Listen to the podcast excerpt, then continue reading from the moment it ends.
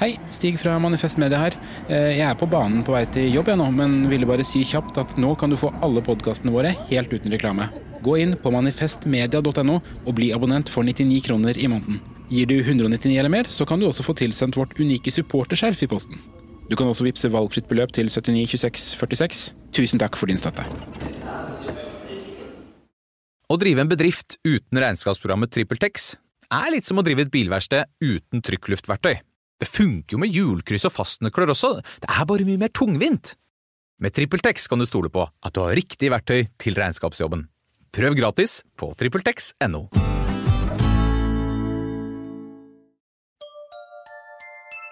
Liker du denne podkasten? Manifest Media er folkefinansiert, og vi er derfor avhengig av din støtte. Vips valgfritt beløp til 79 26 46, eller gi et fast månedlig beløp på manifestmedia.no slash supporter.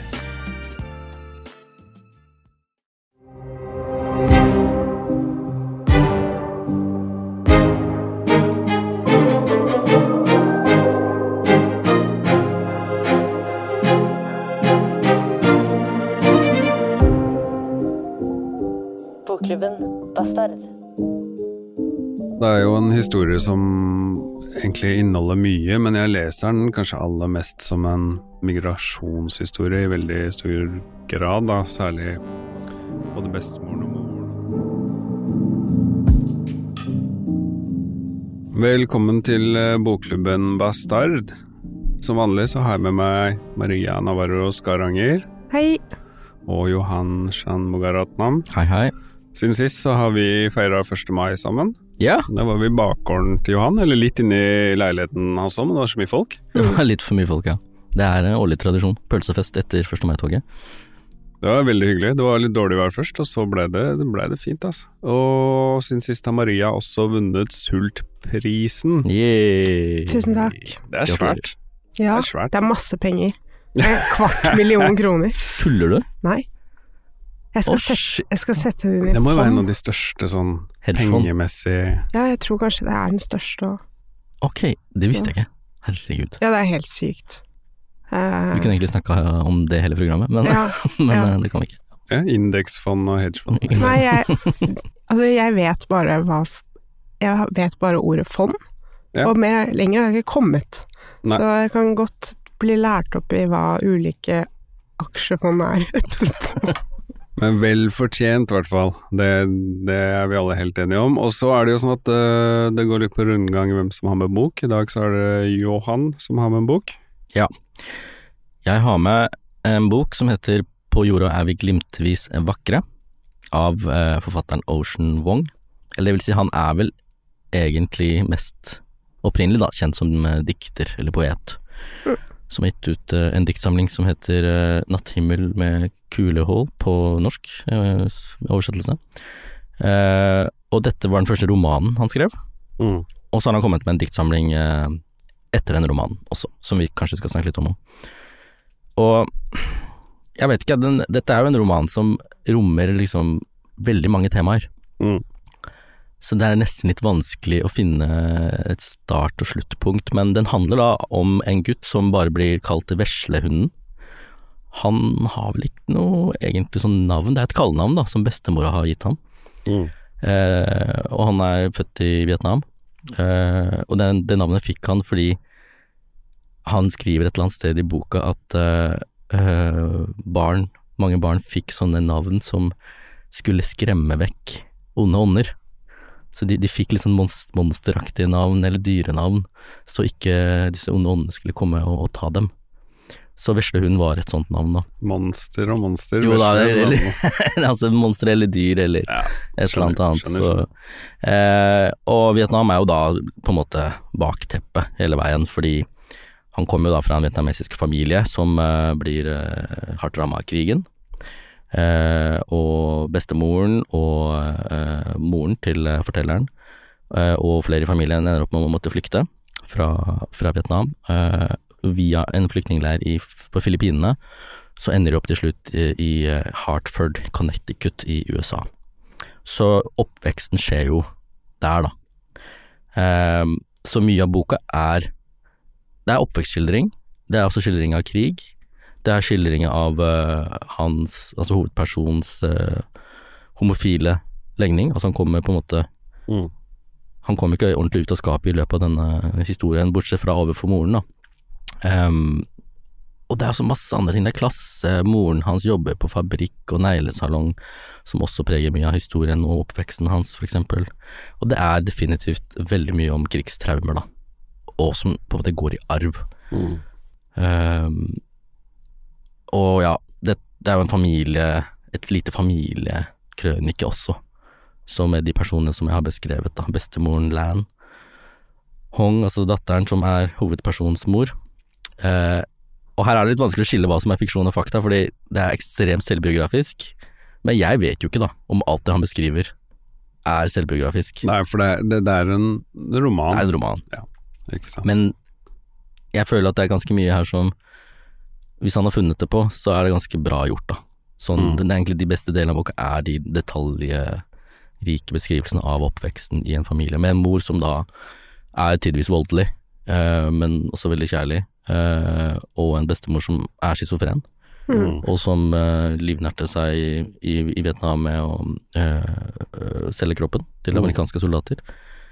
Eh, Etter selv å ha stukket av fra eh, mannen hun måtte gifte seg med. Så, så alt det der er bakt inn i, i denne boka. Eh, pluss, pluss, pluss. Og så er det sånn, den er fortalt som et brev til denne moren. Mm. Uh, og denne moren er veldig viktig i alle uh, verkene til Ocean Wong. Uh, han fikk jo også navnet Ocean fra moren. Han hadde egentlig et annet navn, som hans vietnamesiske far hadde gitt han, som var sånn patriotisk leder av nasjonen, eller noe sånt, mm. betydde noe sånt. Mm. Eh, men dette var en voldelig fyr, så moren han måtte forlate han.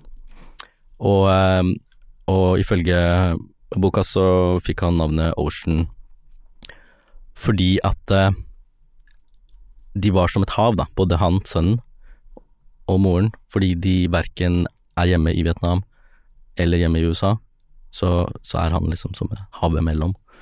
Så det Eksil. Ja, i eksil, og hele tiden i flyt og ja, i Mm. bevegelse. I permanent endring, eller permanent utenforskap på en eller annen måte? Eller Ja. permanent ikke del av noe? Så det navnet føler jeg også liksom oppsummerer ganske mye av mye av tematikken òg, da.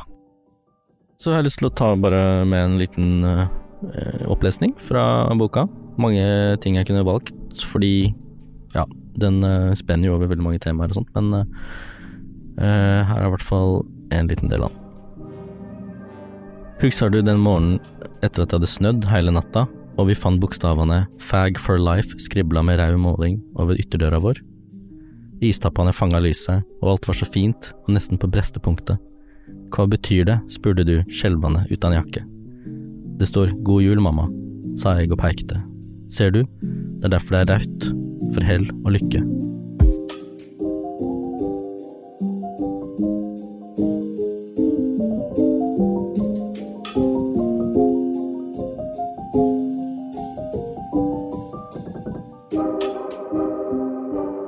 Det er jo en historie som egentlig inneholder mye, men jeg leser den kanskje aller mest som en, en oppveksthistorie på mange måter, men i konteksten av en migrasjon. Det er en migrasjonshistorie i veldig stor grad, da, særlig både bestemoren og moren, og det er jo Jeg må jo si, det, det er kanskje den delen av boka som, som traff meg hardest, hvis man kan si det sånn, Mm. er liksom den om på en måte den beretninga om migrasjon, og ikke minst det forholdet mellom moren og, og sønnen, som er veldig sånn Jeg vet ikke om det bare er en sånn migrantting, men det er i hvert fall en migrantting, Mm. eh, som er ofte, man ofte ser da, at det er en slags sånn hardhet som omsorgsmetode, Ja, hvis du skjønner? Definitivt. definitivt. At det, sånn, det handler om på en måte å Hvor moren da ofte er Hun er jo veldig hard mot han sønnen. altså Det er jo både sånn fysisk vold, men også i på en måte ordene hennes. Hun, hun Men det ligger,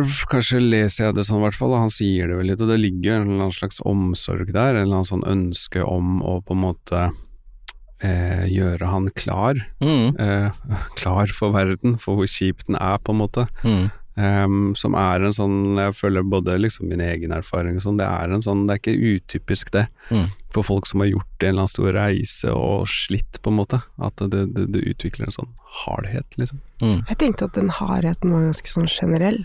Ja. Jeg, sy- jeg syns på en måte den moren, den hun har jeg sett i veldig mange andre bøker òg. Hvordan da?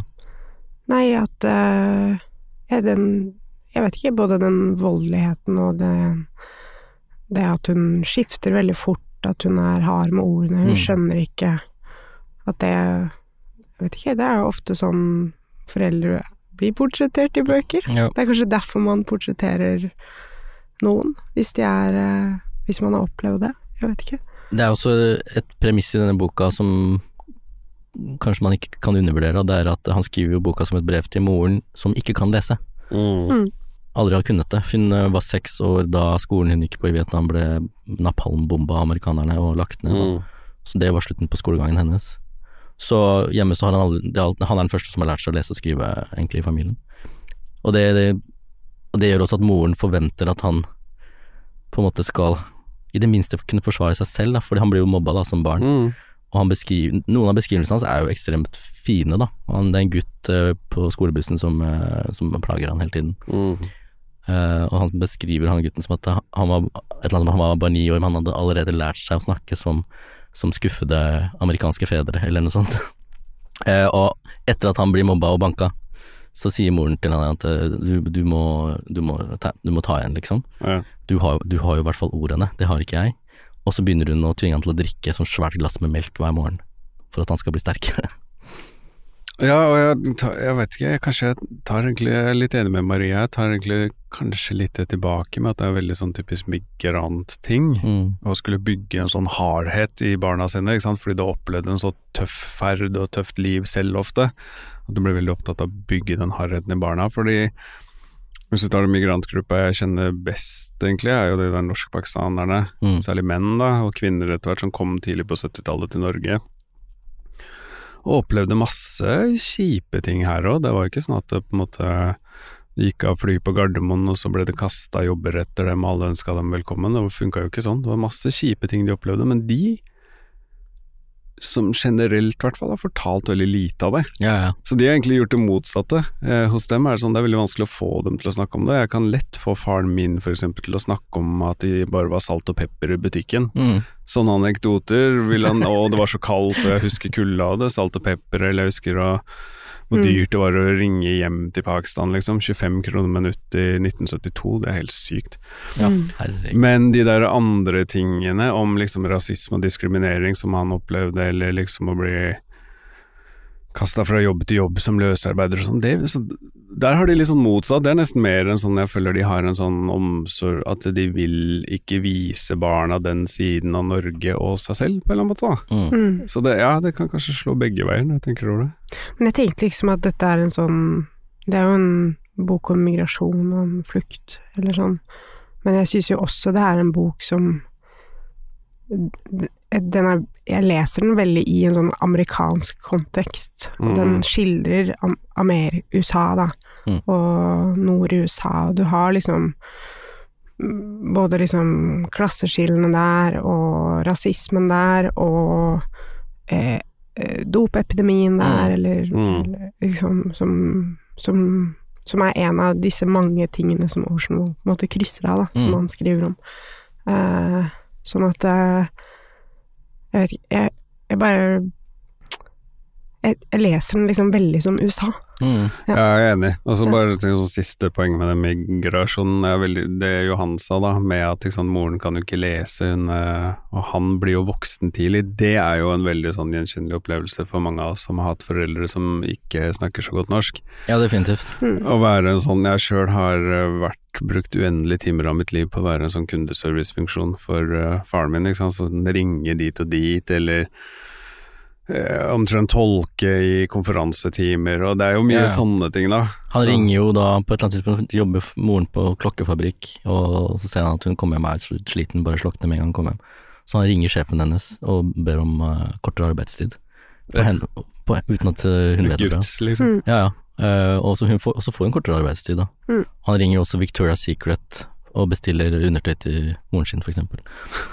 Sånne ting. Det gjorde ikke jeg, da. Nei, det har ikke jeg gjort heller. Det skal jeg være Men hvorfor skriver han boka til moren sin hun ikke kan lese?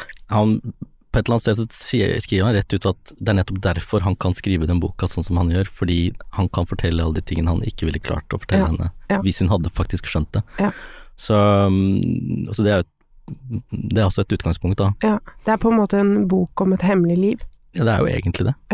Men jeg tror vi Jeg, jeg har lyst til å bli der litt, fordi jeg drev og tenkte på det da jeg leste den boka her. Jeg skal avsløre at jeg leste den ikke før den episoden, jeg leste den for et par år siden, faktisk. Mm.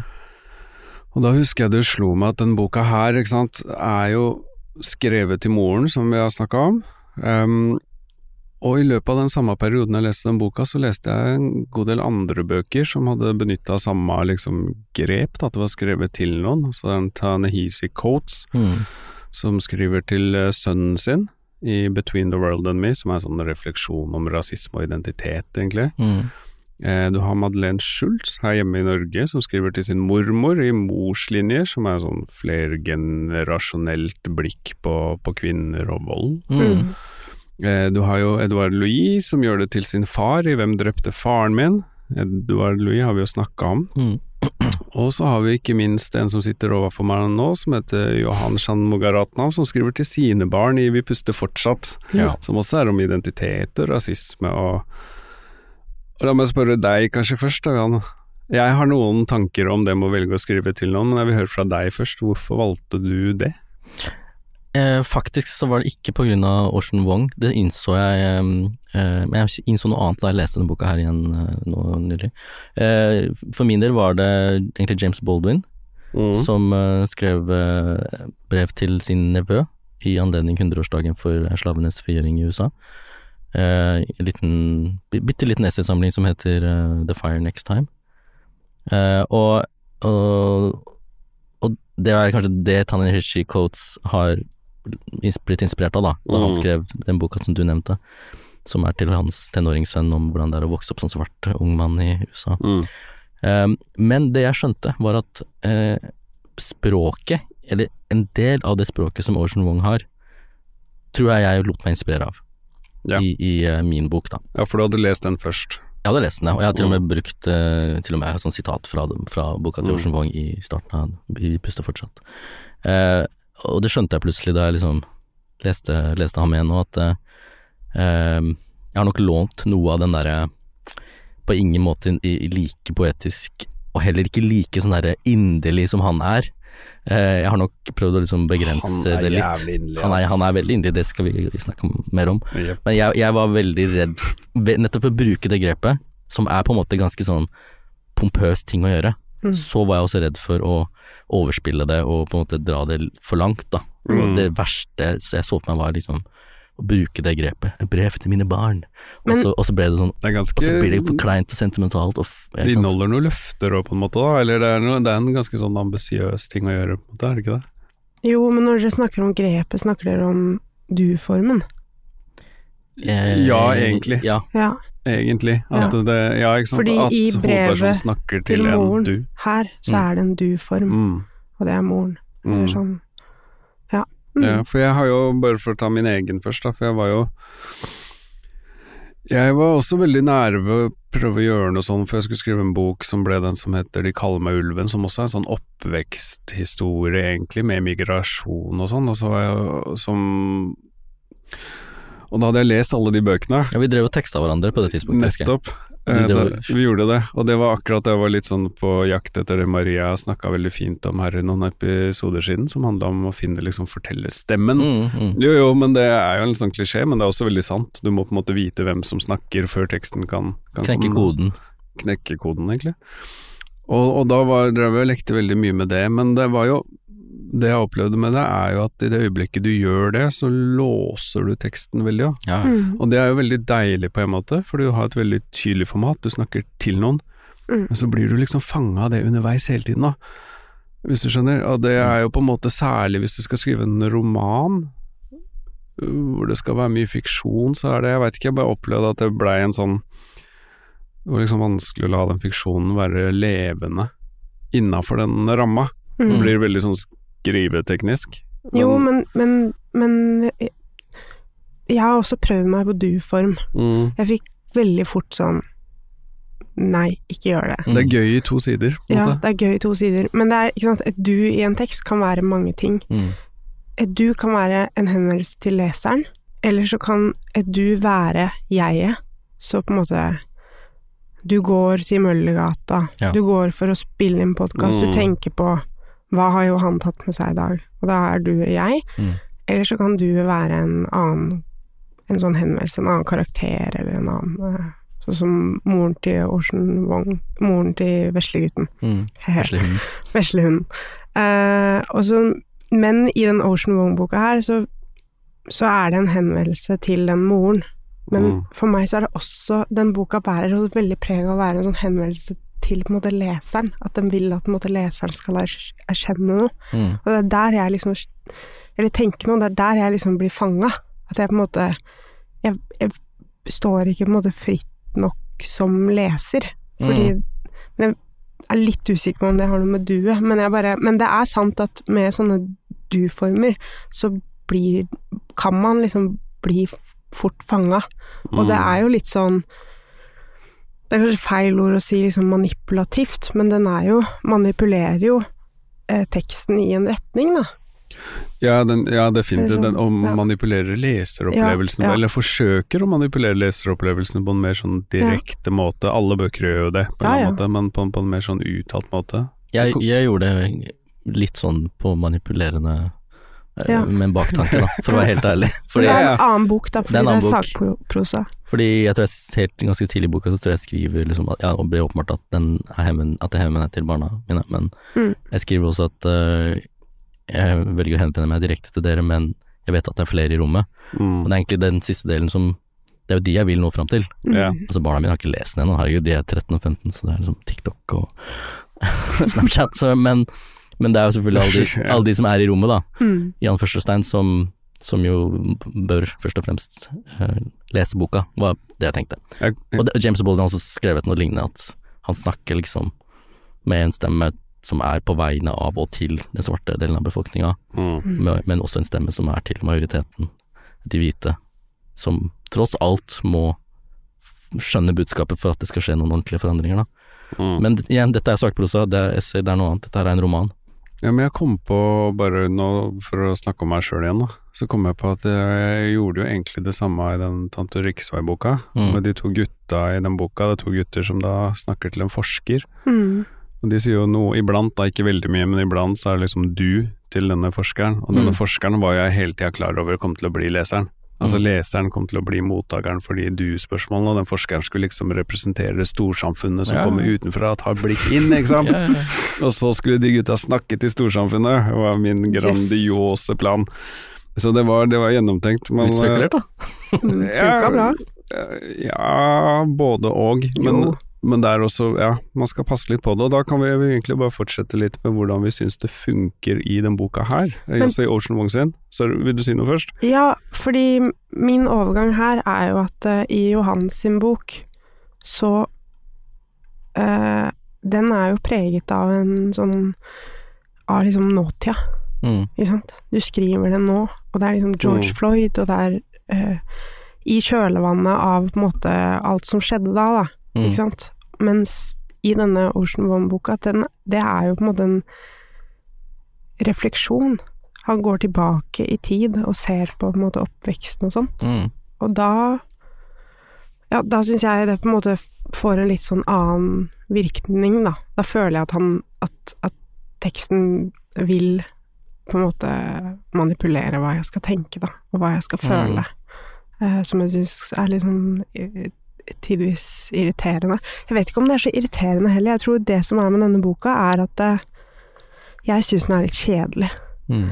Og den er kjedelig fordi at det er denne, denne, denne henvendelsen og, og det malende og reflekterende språket. Det er veldig mye lukter, Mm. og hvordan ting høres ut, og, og veldig inderlig og sånt. Det, og, og ofte sånne reflekterende partier. Eh, har et eksempel som jeg syns på en måte Det blir litt sånn over the top. Mm. Ja, les. det er etter at eh, veslehunden kommer hjem etter at den, han, vennen hans, Trevor, er gått bort. Og så snakker han med moren sin, og så sier han du gransker meg for å finne svar, finne sår, kjenne i lommene mine, under skjorta. Langsomt legger du deg ned på sida. Rommet mellom oss er tynt og kaldt som en vindaugskarm. Jeg snur meg vekk, sjøl om det jeg har mest lyst til, er å fortelle deg alt. Punktum. Det er i disse øyeblikka ved siden av deg at jeg misunner orda for at de kan gjøre det vi aldri kan gjøre, og fortelle alt om seg sjøl bare ved å stå stille, bare ved å være. Tenk om jeg kunne legge meg ned ved siden av deg og hele kroppen min, hver eneste celle strålte ut ei klar og entydig mening, ikke en forfatter, men et ord pressa ned ved siden av deg. Jeg har jo skjønt at det er en avstand mellom dem, i at han sier er å fortelle deg alt, men det klarer jeg ikke og så kommer liksom fire setninger til. Det, som, det er overkill? Det, det er overkill, ja. Ja, for jeg har litt sånn jeg skal, sli, jeg skal, slippe det snart med den syn, eller det at man snakker til noen i boka. Jeg bare syns at eh, noen ganger i den boka her, når du snakker til en sånn du til moren i den boka, så, så, så blir liksom det sl, slunget, slyngt, slengt, fuck. Avvik. Det blir slengt ut? Det blir slengt Tre utlendinger som skriver bøker. Det blir, det blir slengt, så blir det slengt ut noe fra han til denne duet, til moren. Mm. Og så ville jeg veldig gjerne fått et svar. Det blir bare slengt ut i et sånn tomrom noen ganger. skjønner du? Og det, det, er jo litt av den ja. formen, er jo sånn at det skal slenges ut ting som er liksom til refleksjon, nærmest. Men noen ganger så skulle jeg liksom ønske seg, ja, men hva tenker faktisk mora om det? Ja. Er det at hun blir passiv? Eller at hun ikke ja, nok... ja, kanskje det er det litt. Um, Eller at hun blir flat, på en måte. Ja, jeg vet ikke om jeg syns den er flat heller, men det er noe med at når, den, ja, det noe med når den formen kanskje brukes litt for mye, litt mm. feil noen steder, da, så, så bare blir det litt repetitivt og, mm. og, og, vanskelig å få tak på de andre, på en måte. Mm. Men så er jeg jo enig, det, har, det er sånn paradoks med den boka her, fordi den er jo som, som du dere begge har Jeg, jeg syns jo den er liksom slående vakker til tider. Mm. Altså den boka, sånn virkelig, liksom, er noe av det er helt sånn fantastisk skrevet og poetisk til tider. Ja. Samtidig tok det meg jævlig lang tid på å fullføre den boka. Mm. Og jeg slutta halvveis, og da bare fada den vekk. Jeg bare tok meg sjøl i å ikke orke å plukke den opp, og tok meg veldig lang tid å fullføre den. Og det er litt innpå det du sier, Marie, at jeg savner jo kanskje at det er den rammehistorien, det som driver historien framover, er liksom fraværende, på en måte. Ja. Eller det, det, skjer på en måte ikke nok. Eh, ja. Det, det, er voldsomt mye refleksjon og fine poetiske linjer, men så blir det litt sånn Det blir litt døvt. For meg så blir det litt sånn forklarende. At det på en måte Og i det at noe er liksom forklarende i den formen som, og det språket som den boka har, det, det er for meg så er det litt døvt, og det er Men jeg syns også den er sånn slående vakker. Og, og noen liksom partier er helt sånn mm. Det er utrolig sterkt, da. Uh, og tittelen er jo også veldig sterk. På jorda er vi glimtvis ja, men jeg syns den, den, er en jævlig god oppsummering av boka på så ja, mange måter. Men det er også en dårlig tittel fordi den forklarer deg noe. Skjønner du hva jeg mener? Ja, jeg blir også irritert. jeg tror det er tittelen Tittelen er tittelen på et av diktene i den første ja. diktsamlingen, hvis jeg ikke husker helt feil. Ja. Uh, og helt enig, den, den, er Og det er veldig mye i boka som jeg også skjønte da jeg leste den på nytt nå igjen, enda en gang, er, er over, mye som er overtydelig. Uh, det er noen ting som er Han har trukket den poetiske strikken litt for langt mm. i, tider. Og jeg syns også at historiefortellinga tidvis er litt rotete. Og mm. det kan godt hende det er meninga, at det skal være sånn bruddstykker og sånt. Samtidig som noen ganger så føles det veldig organisert. Det er sånn ok, her er det et kapittel eller en del om bestemoren, og da er det om krigen, om hennes historie. Og så kommer det en del om eh, eh, bestefaren, som jo da er en amerikaner som mm. denne bestemoren møtte i Vietnam, en amerikansk soldat. Eh, og så er det en del om Trevor, da, eh, denne gutten som jobber på tobakksplantasjen, som er barnebarnet til han som eier plantasjen, og som Ocean, eller vesle hunden, eh, forelsker seg og blir sammen med. Mm. Um, så, så, så det føles litt sånn organisert, men så er jeg litt enig, i siste halvdel av boka, så er det litt for mange bruddstykker. Det er litt for mange sånn Plutselig så dukker han bestefaren opp igjen, plutselig så dukker Trevor opp igjen, eh, og, og da, ha, da tror jeg du du kan miste eh, leseren, da. Men igjen, det er noen formuleringer som jeg, jeg syns er veldig fine. Som den som jeg tok med i min egen bok, som et sånn lite sitat, var ehm, Når tar en krig slutt? Når kan jeg si navnet ditt, og få det til å bety bare navnet ditt, og ikke alt det du dro ifra? Og det er jo Mm. selvfølgelig sånn eh, Wow. Ja, det, er- det syns jeg er wow. Ja, men det er noen sånne Det er der. wow. Så han har noe liksom sånn, noen sånne perler. Ja, ja, ja. ja. Masse. Og de kommer liksom ofte nok til at jeg følte liksom Ja, den, den, den holdt igjennom. Men, men igjen, um, så er det noe med at hvis du leser den diktsamlinga som han ga ut etter romanen, som kom på norsk nå, da, i mai, tror jeg, Time is a mother. Time is a Mother, uh, som igjen handler om moren, men der er utgangspunktet at uh, moren er død. Så, og det gir jo de diktene en helt annen sånn Mm. energi enn i, i den romanen vi har snakka om nå. For det, på det tidspunktet den romanen kom ut og Wong ble liksom fikk et ordentlig gjennombrudd, så tror jeg moren allerede var, hadde dødd. Altså hun var sjuk Mm. da og døde samme året, tror jeg.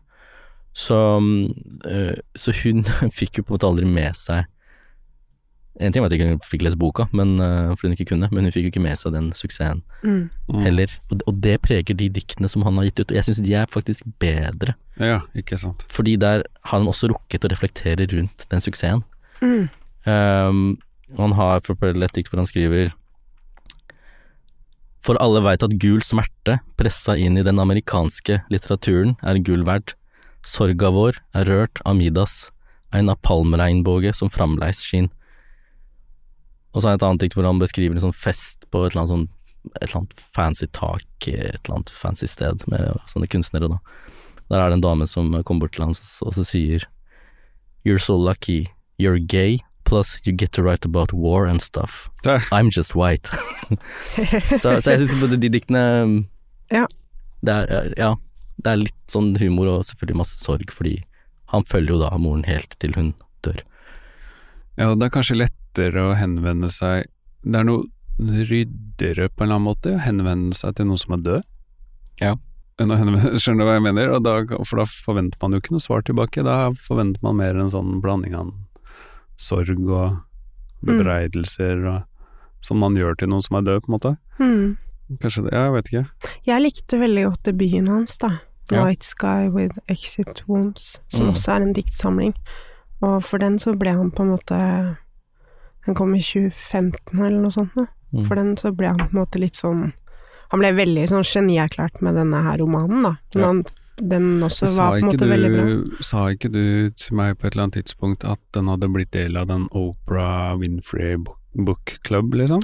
Jo, det er sikkert eh, noe sånt noe, men, men Og det er litt av det som er problemet mitt med Ocean Wong, som på en måte ikke er han, men er, jeg tror kanskje det er en sånn derre Litt sånn derre Ja, det er også sånne derre amerikanere, da. At de Mm. blir så innmari store. Mm. Eh, og så leser du Så leser man amerikanske bøker med en sånn forventning om at det liksom skal være, være liksom den beste litteraturen i verden. Og så jeg blir ofte ganske skuffet da når jeg plukker opp eh, amerikanske navn eller sånn. Men, eh, men eh, Og jeg har sett en del intervjuer med eh, Ocean Wong på YouTube. Eh, blant annet så er det et intervju der som er fra Louisiana, som er veldig mye sett og sånt. Eh, og jeg syns han er så jeg syns han er så utrolig kokett. Mm. Jeg syns han Han har for mye språk om sin egen skriving, og om sine egne Mm. erfaringer, og om hva det vil si å være uh, være den han er, eh, som gjør at jeg faller av med en gang, fordi det er bare masse sånne fine fine, fine filosofiske setninger, og så, som er og da, Men da begynner jeg å tenke sånn ja, men det er jo også litt sånn new age.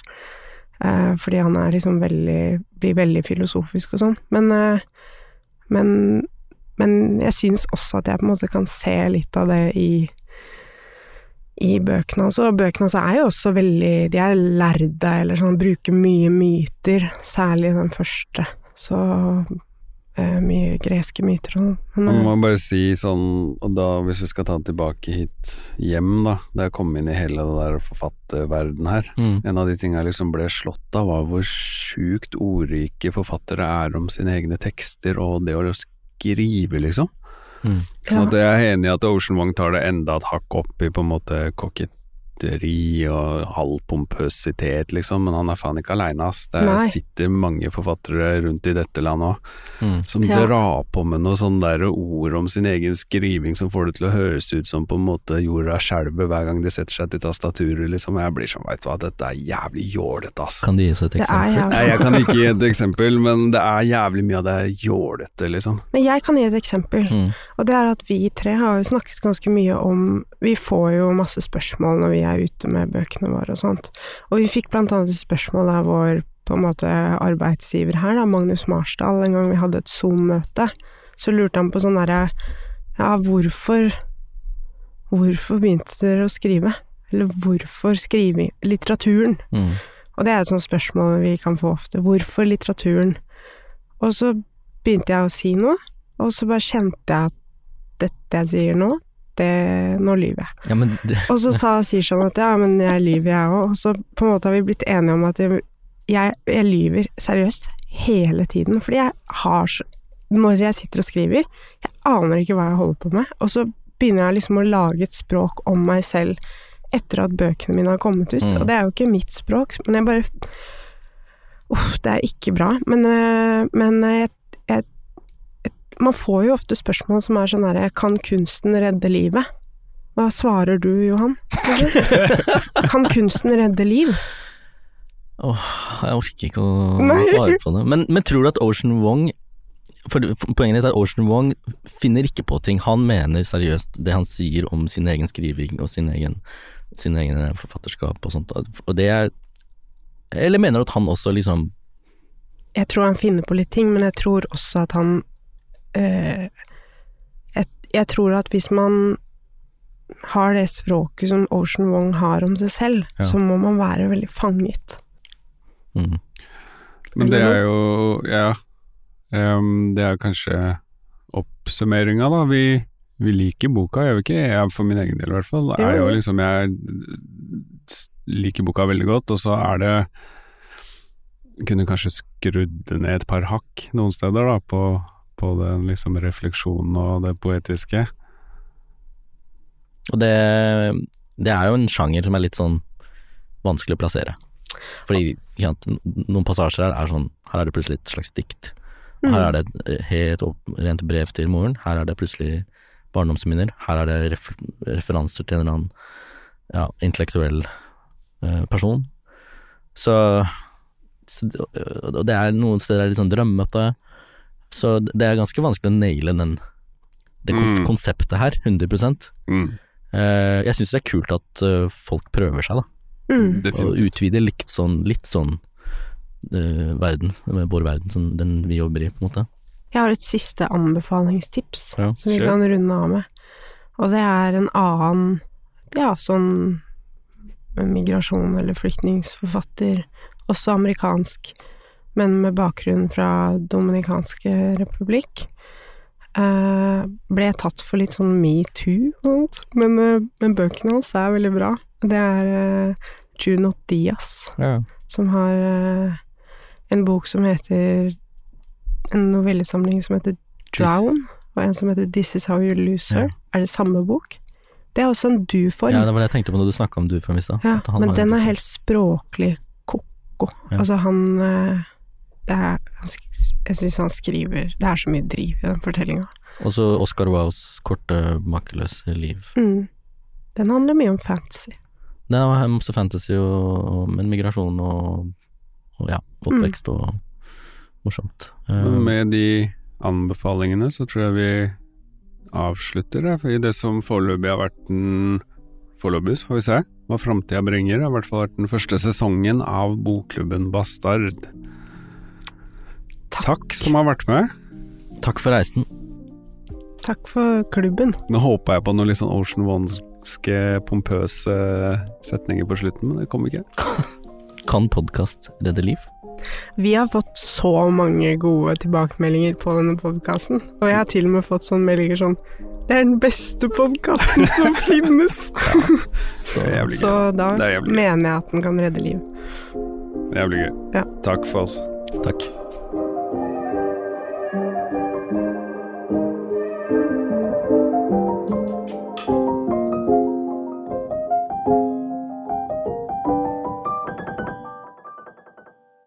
Du har hørt en podkast fra Manifest Media. Sjekk ut flere program der du henter podkast, eller via manifestmedia.no. Vips gjerne valgfritt beløp. 79 26 46 er nummeret 79 26 46. Produsent Mikkel Kvenås. Ansvarlig redaktør er Magnus Marsdal. Du har hørt en podkast fra Manifest Media. Vi er folkefinansiert og avhengig av din støtte. Gå inn på manifestmedia.no og bli supporter, eller vips valgfritt beløp til 79 26 46. Ansvarlig redaktør er Magnus Marsdal.